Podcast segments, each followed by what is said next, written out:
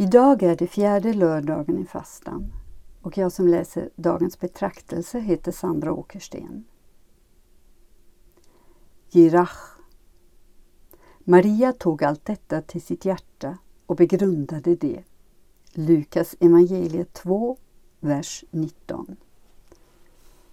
Ett av den hebreiska bibelns viktigaste ord för att beskriva människan i hennes möte med Gud är jirach.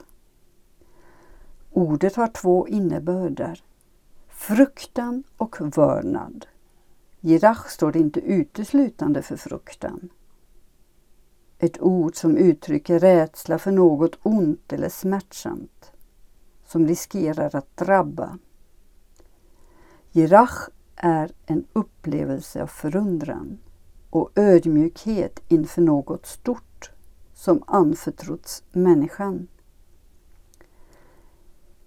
Det är denna känsla Maria ger uttryck för när hon gömmer och begrundar sin hemlighet i sitt hjärta. Hon vet att något stort har anförtrotts henne och hon vet att ju ivrigare man blir att tala om det, desto mindre har man kvar. Jirach är början på tron, den rot ur vilken tron föds. En tro som inte väcker förundran och vördnad går snabbt förlorad. I bibliskt språkbruk kallas därför inte den andliga människan för troende. Hon kallas gudfruktig. Det finns ingen annan väg till verklig vishet än girach. De största insikterna ges oss i ögonblick av fruktan och vördnad. Mister vi förmågan till förundran blir världen en marknadsplats. Inget är längre heligt. Men den som håller det heligt, som är heligt, blir själv helig. Marias svar på Guds besök är genklangen i en själ som fyllts av irach. Jag är Herrens tjänarinna. Må det ske med mig som du har sagt.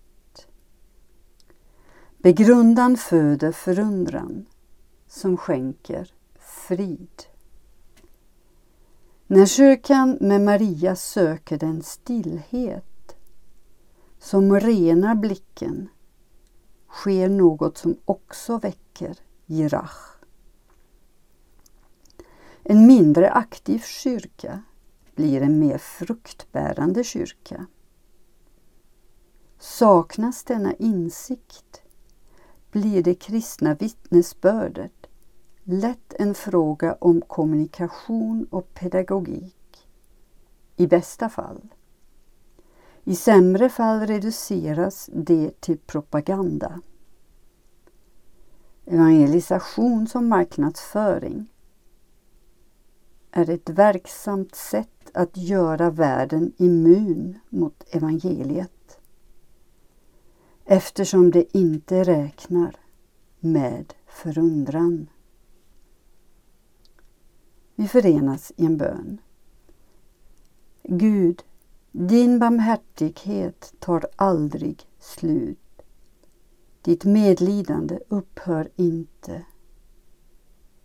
Förnya varje dag vår tro så att vi aldrig upphör att förundras över din trofasthet. Amen.